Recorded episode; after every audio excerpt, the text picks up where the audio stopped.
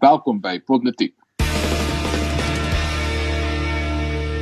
Ek is Paul Marits en saam met my in die virtuele ateljee is Herman Pretorius, Erns van Sail en Daniel Elof en in vandag se episode uh, bespreek ons weer natuurlik hoofsaaklik die Grendelstaat en die COVID-19 pandemie.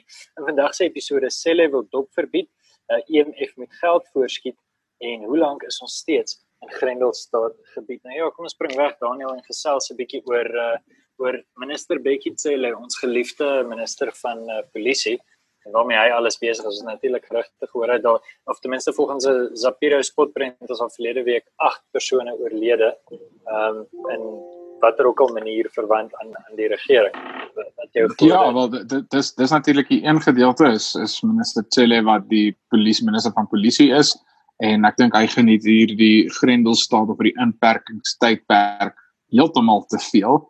Ehm um, ek ek ek dink hierdie paar hierdie 3 weke het vir ons regtig baie duidelik ehm um, prentjie ge gegee van wie's die ware autokrate binne die Suid-Afrikaanse regering en ek dink Netsele is een van hulle.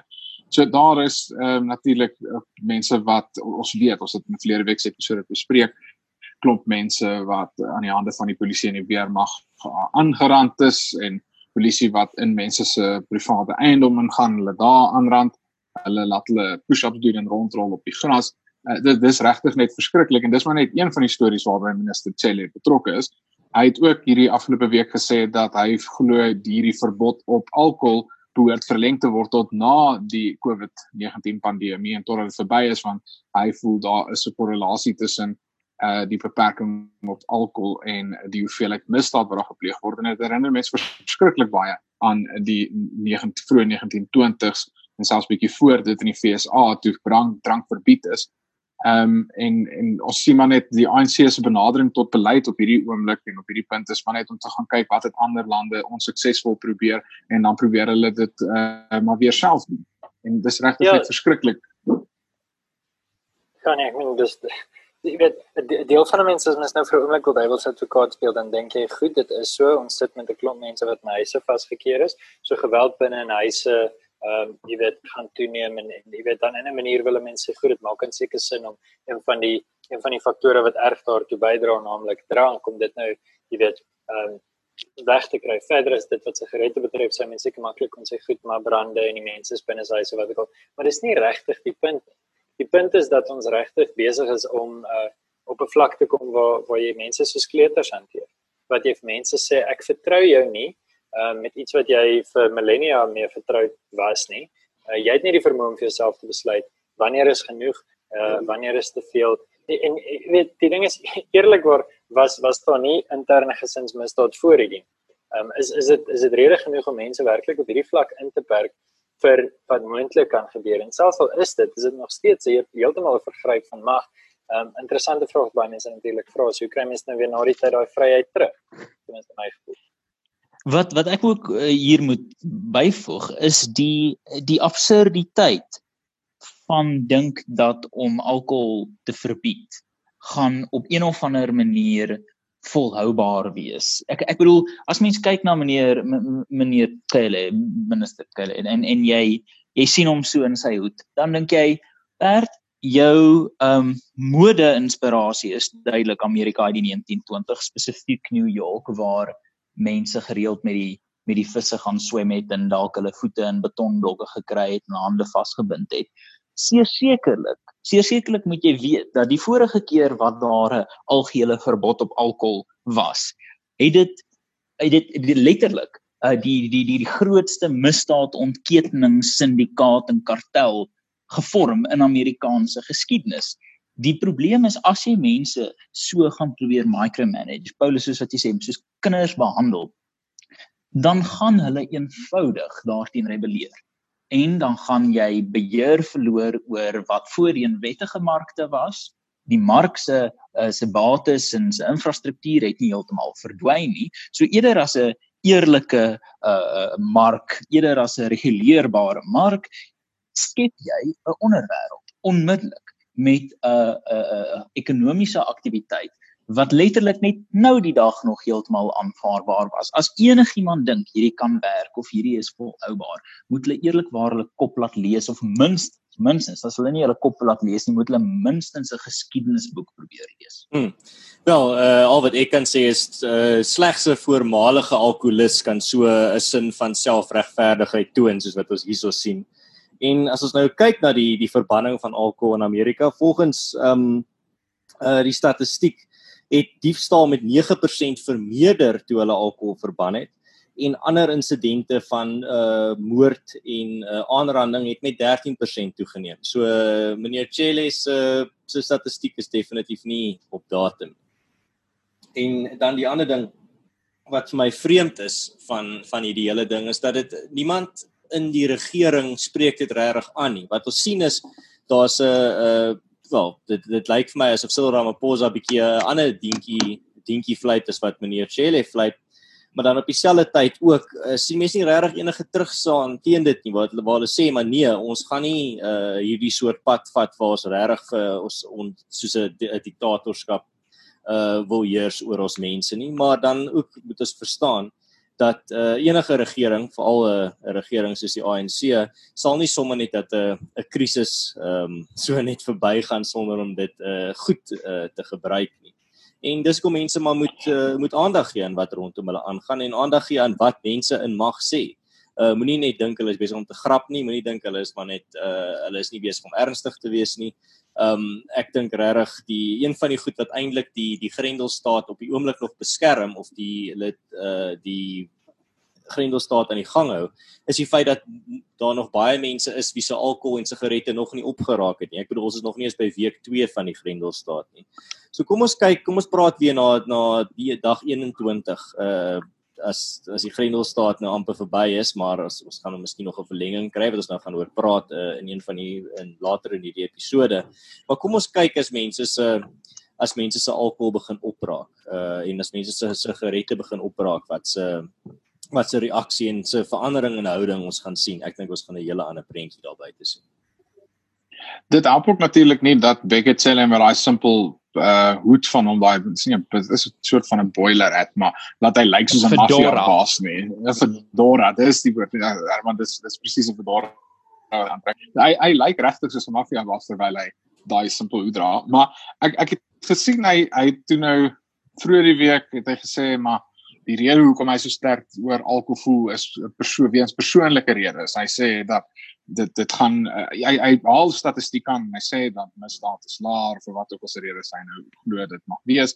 Ehm um, en dan sê hy maar maar vir hom gaan dit oor iets persoonliks. Nou ek ek raak verskriklik bekommerd wanneer 'n minister begin om nasionale beleid te formuleer aan die hand van wat hy persoonlik dink. Ehm um, net oor dat hy lus is om dit te doen. ja, en, en verder is dit ehm um, dit is definitief definitief mag mag vergryp ek dink nie daaroor daar is onsekerheid. Wat wel vir my positiewe lig gee is as mens aanhou soek vir die vir die silwer randjie om die donker wolkie, dan dink ek dat groot krisisse het nog altyd groot wêreldwye krisisse het nog altyd daartoe gelei dat daar in sekere sektore um, baie vinniger vordering is as wat onder normale omstandighede sou gewees het.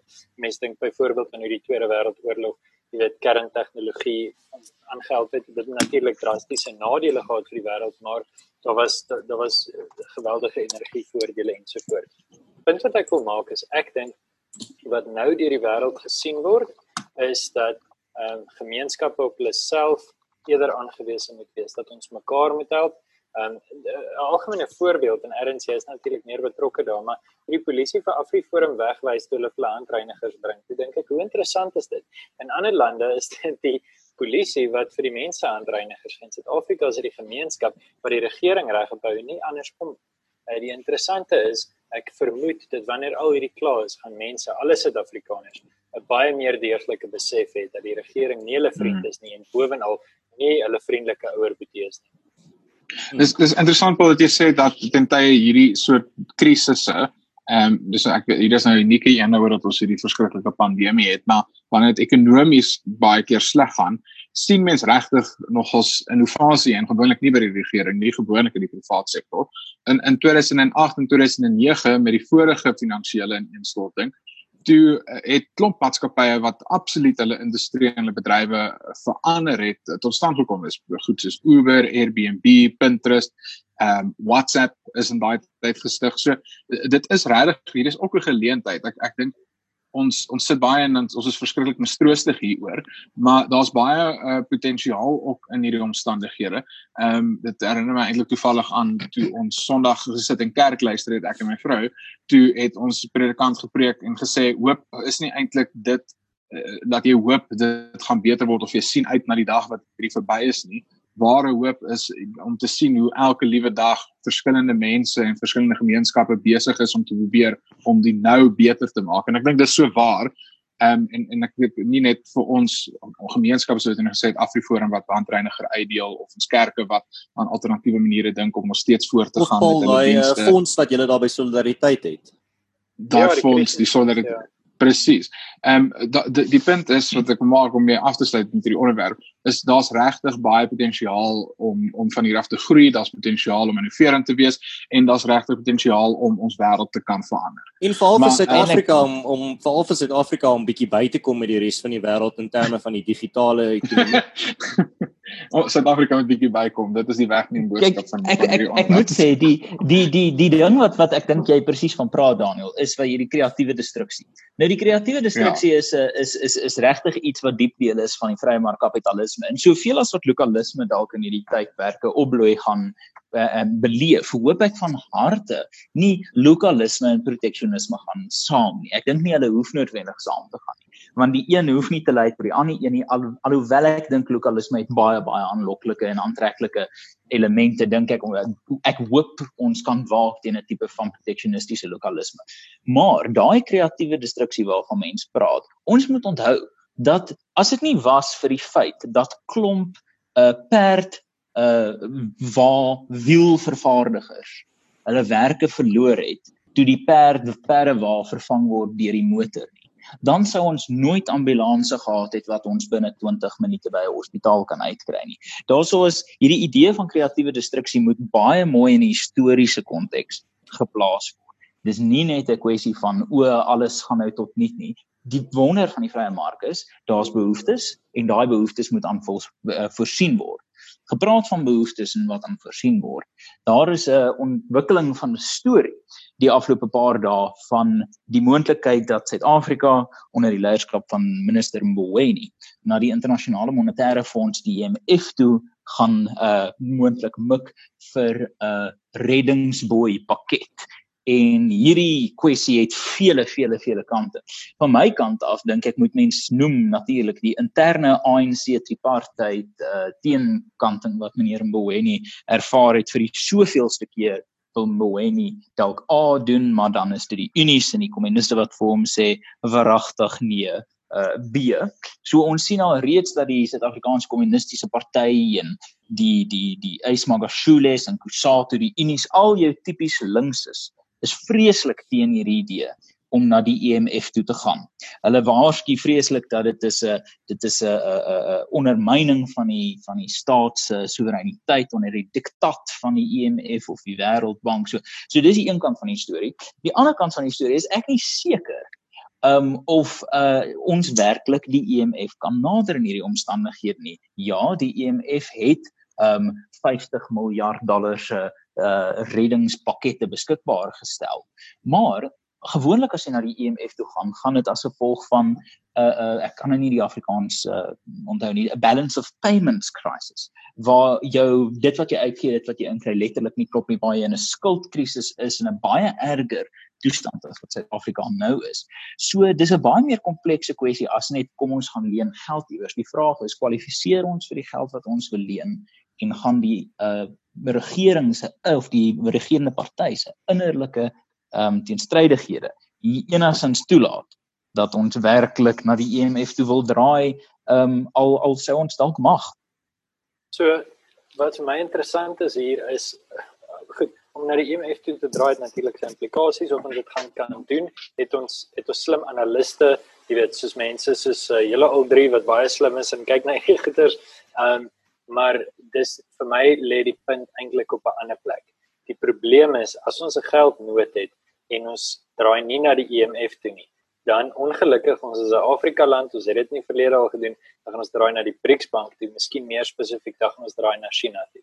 Ehm um, en ek is ongelukkig as gevolg van die manier hoe ander Afrika lande se bates behandel word, gevolg van die manier hoe hulle natuurlike hulpbronne behandel word en selfs in Suid-Afrika hoe China voorkeur kry vir uh, regeringslewering hoe hoe China voorkeur kry vir uh, befondsing vir studente toere wat dit nou ook al is uh, die manier hoe daai daai verhouding alreeds werk wil ek nie nog 'n massiewe lening na hulle toe nie die vraag natuurlik is kwalifiseer ons ek stem saam dis baie belangrik maar die teenpool daarvan is ek sal liewer as ek as ek minister Mboweni is na enigiemand toe draai op hierdie stadium as China want ek dink nie hulle het ons beste belang op die hart nie inteendeel Wel, ehm um, um, ek het gesien wel Daniel het 'n uh, sein gestuur dat hy volgende iets wou sê, maar aangesien hy miskien nog 'n bietjie dink. Ek dink die die groot ding hierso is ek stem saam met Herman dat uh, ons moet bietjie kyk na wie is teen dit en wie is vir dit om ons bietjie beter 'n idee te gee van wat dit sal uh wat wat geïmpliseer word deur die die beleide wat die die IMF e dalk vir ons sal uh, voorskryf. Maar ek dink ons moet ook tog in ag neem dat uh Paul jy maak 'n baie sterk punt daar dat as ons nie EMF toe gaan nie en ek dink dalk miskien die die ANC of die idee van dat ons nou dalk na die EF, EMF toe gaan kruip op ons knieë uh is dalk miskien net bietjie die watertoets om te sien hoe die Suid-Afrikaanse bevolking reageer op daai nuus of op daai uh 'n uh, idee en dan uh so uh, vorentoe beweeg met beleid. Maar ek dink wat ons hierso sien is die ANC toetsie water, hulle druk dit hulle toon so in die swembad en wat maar ek dink hulle is baie meer in die toekoms nou, veral as ons sien nou hoe die wat die wêreld op die oomblik doen. Uh dat daar eintlik nog steeds 'n baie groot gevaar is dat ons eerder na die dan die BRICS bank toe gaan om uh ons te finansier in die in die wêreld wat kom na die die COVID pandemie. So ons sal maar moet sien. Vir my is die die groot ding ek sal verkies dat ons EMF toe gaan. Ek sal verkies dat ons nêrens nêrens heen gaan nie. Dat ons eintlik in die posisie was waar ons nie meer na ons nie hoef uh met gebakte handjies na die res van die wêreld toe moet loop nie. Maar ons sal net maar moet sien. Uh, ek dink wat 'n groot impak hierop gaan hê gaan die wêreld wees wat ons gaan erf na hierdie pandemie en na hierdie grendelstaat. Ek dink dit gaan en die die toestand van wat die wêreldekonomie en individuele lande se ekonomie in gaan wees in die komende maande en komende jare. Ek dink dit gaan 'n groot invloed hê op in terme van wat se pad Suid-Afrika op die ou en kies maar dis dis natuurlik interessant want hierdie gebeur ook nie in die breër agtergrond van die interne striwelinge wat ons al heel politiek eh, op klomp episodes bespreek het waar per sommiges in die ANC is bietjie meer gematig het bietjie meer van 'n vrye mark uh, kop op hulle skouers maar dit kom natuurlik is direk in stryd met die ANC se vennote die Suid-Afrikaanse Kommunistiese Party en Kusatu. En verlede maand uh, in die einde van die maand nie was hier by die 28ste Januarie ag uh, Maart. Toe minister Mboweni gesê wel hy sal glad nie huiwer om na die internasionale monetaire fonds so die wêreldbank toe te gaan nie en indien dit nodig is. Dit was nou net toe hierdie grendelstaat of die inperkingstydperk begin het. Sê hy sal graag na hulle toe gaan en toe het klomp van die ANC se leiers 'n skrywe aan Ramaphosa gerig waar hulle gesê het wel hulle is glad nie gemaklik met Mboweni as hy na die IMF e toe moet gaan of die wêreldbankie so ek hier is nou die een gedeelte is die ANC het hierdie bekleierery oor na wie toe moet hulle gaan met na waar moet hulle gaan bak aan staan om Suid-Afrika ekonomies te probeer red. Maar daar's natuurlik die derde opsie dat uh, nie een van hierdie twee uh, behoort te gebeur nie. Suid-Afrika moet net regtig sy eie ekonomiese beleid en en monetêre beleid verander sodat ons ekonomiese groei kan ervaar sodat dit nie nodig is om na hierdie plekke toe sodat ons ekonomiese eh, groei vir 'n slag kan ervaar ervaar hoe dit voel Kyk, ja, maar ek moet sê die die die twee twee goed is een ons het dit ons het dit daarom ervaar hier van die jaar 96 tot die jaar 2008 het ons eintlik ja, nou, uh, 10 toe, toe was ons almal ons was soos 4 of 5 ons weet jy was al 30 toe maar die res van ons was nog jong ja nee kyk Abba Abba lewendig was iets om te aanskou maar wat ons moet besef is um, wat ons moet besef is, is ons is ons dit is ek dink dit is baie gevaarlik vir ons om na die IMF e of die Wêreldbank te gaan. Ek kan verstaan daar is ons ongelooflik baie voordele daaraan, maar kom ons dink mooi hieroor. Ons gaan na die IMF e en ons leen, kom ons sê, uh 100 miljoen dollar. Ons kan net in dollars van die IMF e afleen. So ons leen 100 miljoen dollar op hierdie stadium. Ons vat dit oor om dit rande te maak. Die rand teenoor die dollar kom ons sê hy's op hierdie stadium 19 ons lening moet oor kom ons sê wat 10 jaar, 5 jaar, wat ook watter tydperk ook al terugbetaal word. Ons het dan rande wat ons moet terugvat na dollar. Die kans dat ons teen met dan 'n verswakte rand sit onder huidige omstandighede vir 10 jaar van nou of 5 jaar van nou af is net te groot. Want as ons nou 'n miljoen dollar of 100 miljoen dollar leen teen 20 rand op die dollar maar ons moet terugbetaal 'n 100 miljoen dollar vir 5 vir 25 rand op die dollar het ons skielik 'n enorme aantal staatsskuld geskep So ons moet baie versigtig wees as ons nou met 'n swak geldeenheid skuld gaan skep, want ons gaan leen in dollars, spandeer in rand en dan terugbetaal in dollar. Die kans dat die dollar sterker word in die volgende 5 jaar is baie goed. Die kans dat die rand swakker word in die volgende 5 jaar ook baie goed. So as ons nou geld leen, moet ons baie deeglik bewus wees dat ons skep dalk eenvoudig 'n groter 'n 'n 'n skuldkrisis af in die pad en dit dit dit sal onnodig gedruk wees. So as ons nie kan draai na buitelandse hulp of na 'n uh, supranasionale hulp nie, dink ek werklik waar Elof Daniel jy jy sit jou jy jy sit presies jou uh, jou vinger op die op die pols. Ons moet eenvoudig sorg dat ons skulde in inner intern en dat ons ons spandering uh, al daai goederes ingeperk word soos nodig dat SAL verkoop word dat Eskom geprivatiseer word. Nou is regtig die geleentheid of die enigste kans wat ons werklik het is om seker te maak dat ons maak raak nou ontslaa van die vet die gevaar wat ons regtig hier beloop is dat ons kan nie 'n huidige skuldkrisis oplos met 'n toekomstige erger skuldkrisis nie. Ja, ja, ek dink. Ehm ek ek dink dat dat dit kompleks is, is definitief so ek moet wel sê wat vir my die die mees interessante van al hierdie is uh, is eerlikwaar die opmerking wat Daniel maak. Ons sit ons sit in 'n 'n plek waar die ANC heeltemal te belangrik in Suid-Afrika is. Ek hou van ek hou van politiek in Europa, veral natuurlik vasteland Europa waar een party in baie lande nie so drasties en dramaties effek vir dekades en dekades en dekades aan een het nie. En dit kan baie maklik wees dat ons al hierdie slim planne het en intedeel dat dit vir ons baie duideliker word dat die hele wêreld sê maar hierdie is die pad om te stap. Hierdie lening of daai lening of doen dit of nie dit doen nie.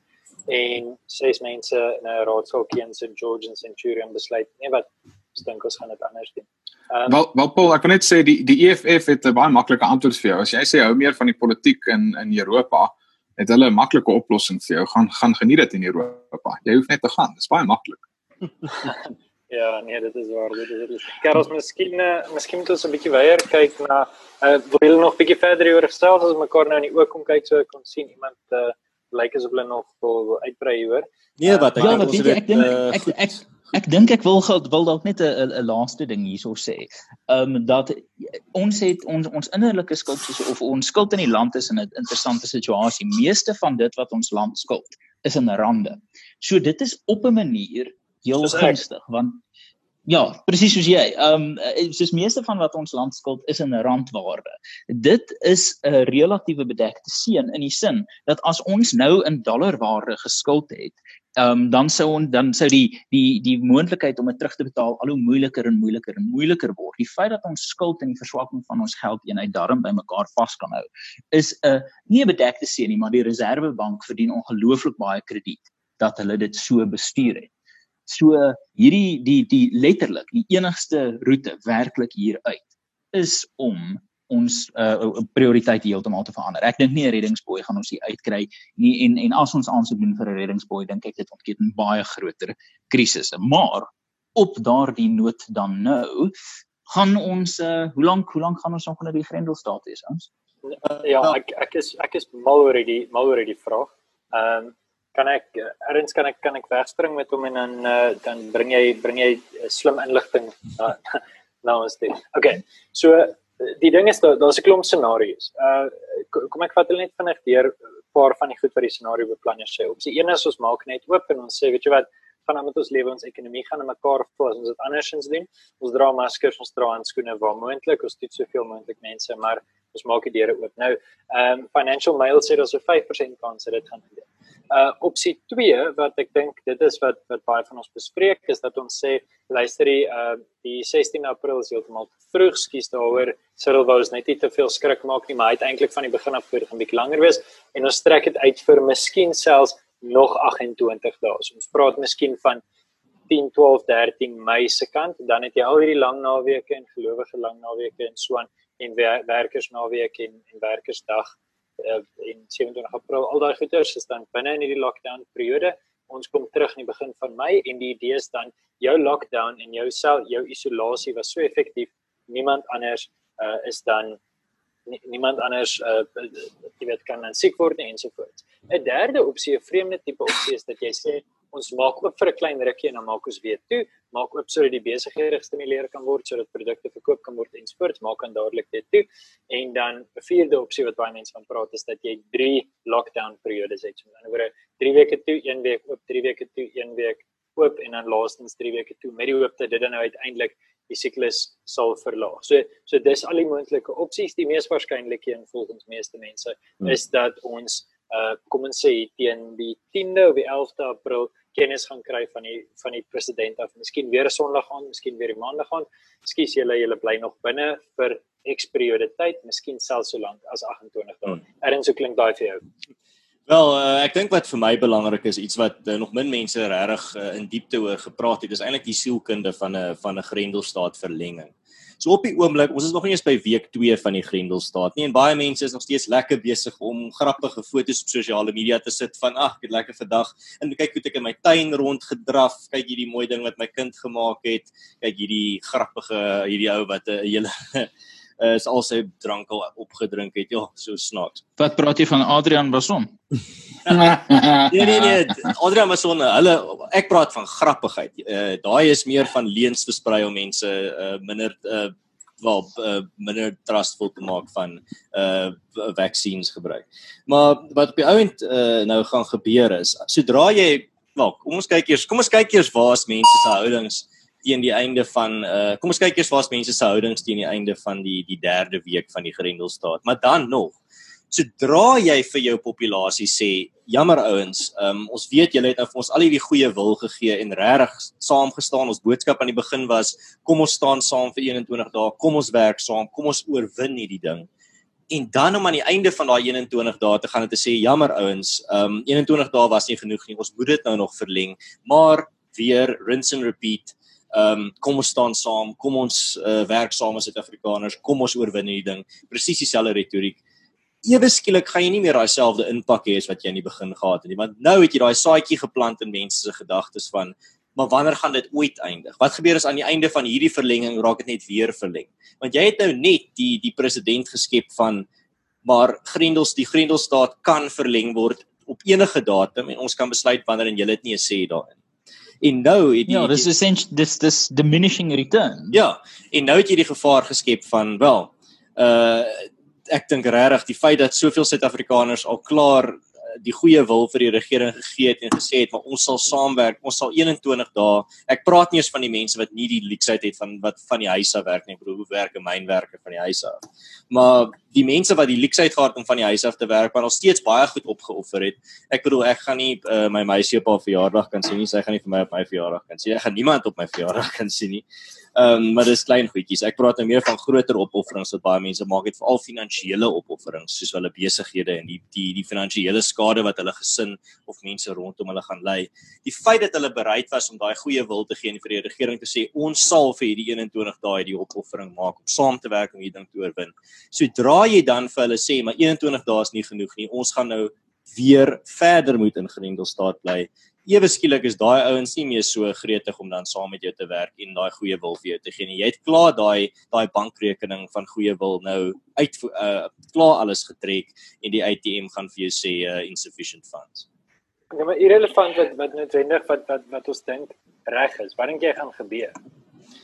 Wel, wat ek dink gaan gebeur is wel definitief. Ek dink daar's amper 'n 100% kans dat die die Grendelstaat uh verleng gaan word, maar die regering het nie 'n keuse as om daai daai verlenging gepaard te mag laat gaan met verslappings van die reëls nie. Ek dink uh, dit sal absolute selfmoord vir die regering wees in terme van hulle ondersteuning van die publiek af en hulle uh, die manier wat die mense in al die Grendelstaat ondersteun het as hulle sê maar ons gaan aanhou met dit en dit gaan net so streng bly soos wat dit nog was. Ek dink wat gaan gebeur net 'n klein voorspelling is dat hulle gaan mense omkoop met die feit dat maar moenie bekommer nie, hulle gaan weer sigarette en alkohol kan koop en dan gaan baie mense sien wat dit is dit is eintlik 'n 'n goeie 'n goeie deal daai. Ek ek dink van, van my kant wat ek dink prakties gaan gebeur is ek dink ons gaan na die 3 weke ons aan die einde van die 3 weke kom oor 'n week dan gaan hulle aankondiging gaan verleng word met nog 3 weke. Dan daarna dink ek gaan ons terug gaan en dan gaan almal besef wel ons, ons moet die ekonomie laat verder gaan en en almal moet werk en almal gaan terug aan werk toe maar goed soos sportbyeenkomste om flex toe te gaan Hmm. ehm um, om by in 'n restaurant te gaan wees. Dit gaan alles verbied wees. Dit gaan nie net 'n uh, gewone normale lewe wees soos wat ons ken nie. En ehm um, dit, dit gaan half alles beperk wees, maar ek dink skole gaan weer oopmaak en en onder streng omstandighede en alles want mense kan ook net so lank die kinders uit. Ek wil dink aan die matriek. Hulle ek, ons almal onthou besig was mense matriekjare en hulle het nog klaar 3 weke daarvan verloor. Ehm um, So ek ek dink dis min of meer wat gaan gebeur en en dan ek ekskuus ek sou nou weer wees Herman en dan dink ek uh, gaan ons hier in die winter se kant sien gaan daar 'n ongelooflike toename wees in die verspreiding van die virus dan begin dit koud word die virusomstandighede verbeter dis um, en en die mense het weer in kontak gekom en dan dinge gaan daar 'n verdere tydperke inperkingstydperk wees wat ons hier in die middel van die jaar in die gesig gaan staar.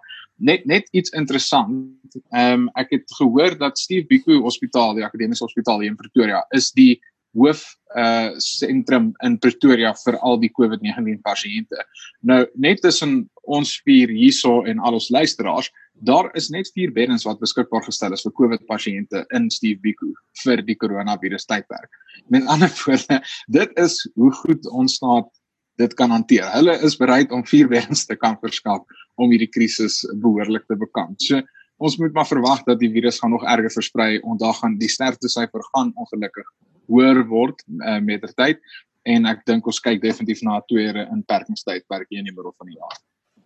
Kyk, ek moet sê ek dink erns jy uh, ek ek dink jy is heeltemal reg. Die onsekerheidsfaktor, die ding wat ons oor die volgende oor die komende tydperk 'n bietjie moet dophou om te besef hoe vloei dinge is die publiek se bereidwilligheid om saam te werk met hierdie grendelstaat maatreëls maar op daai noot dan nou dink ek dit is tyd om te sê soos 'n uh, eh, oogkontak tydens die opneem van 'n politiek episode is hierdie episode dan ook nou eers verby. Ons nooi jou as luisteraar uit om ook self 'n bietjie te ontmonsens hierdie gesprek voort te sit in die kommentaar afdeling. Ondersteun ons gerus op Patreon en uh, as jy hou van ons doen, jy is ook welkom om vir ons resensie te los met jou klagtes en gedagtes.